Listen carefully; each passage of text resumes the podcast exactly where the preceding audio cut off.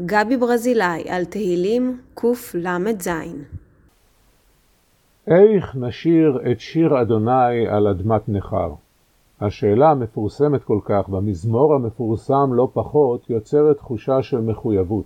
כאילו אין לנו קיום ללא ארצנו, כאילו חיים בנכר הם נטל שאין בכוחנו לשאת. אבל מבט קצר על העבר וההווה של עם ישראל מלמד שהמציאות שונה לחלוטין. לאורך רוב שנותיה של התרבות היהודית ישבו יהודים על אדמת נכר ושרו בה את שירי השם. כך בבבל וברומא, כך גם בברלין ועל ההדסון.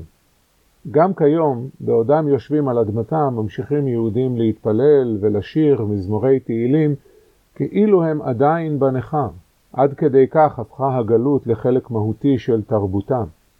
לא פלא אפוא שהפסוקים שהתקבעו בתודעתנו מהמזמור הזה הם אם אשכחך ירושלים תשכח ימיני, תדבק לשוני לחיקי אם לא אזכרכי, אם לא אעלה את ירושלים על ראש שמחתי.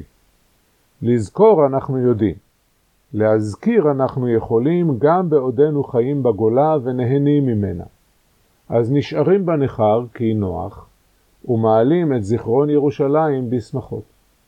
כדי לחוש את מלוא עוצמתה של הגלות, צריך אדם לחיות על אדמתו, לעבוד אותה ולאהוב אותה, ואז לנטוש אותה מאונס. רק אז יוכל להבין באמת את כאב הקריאה והאובדן.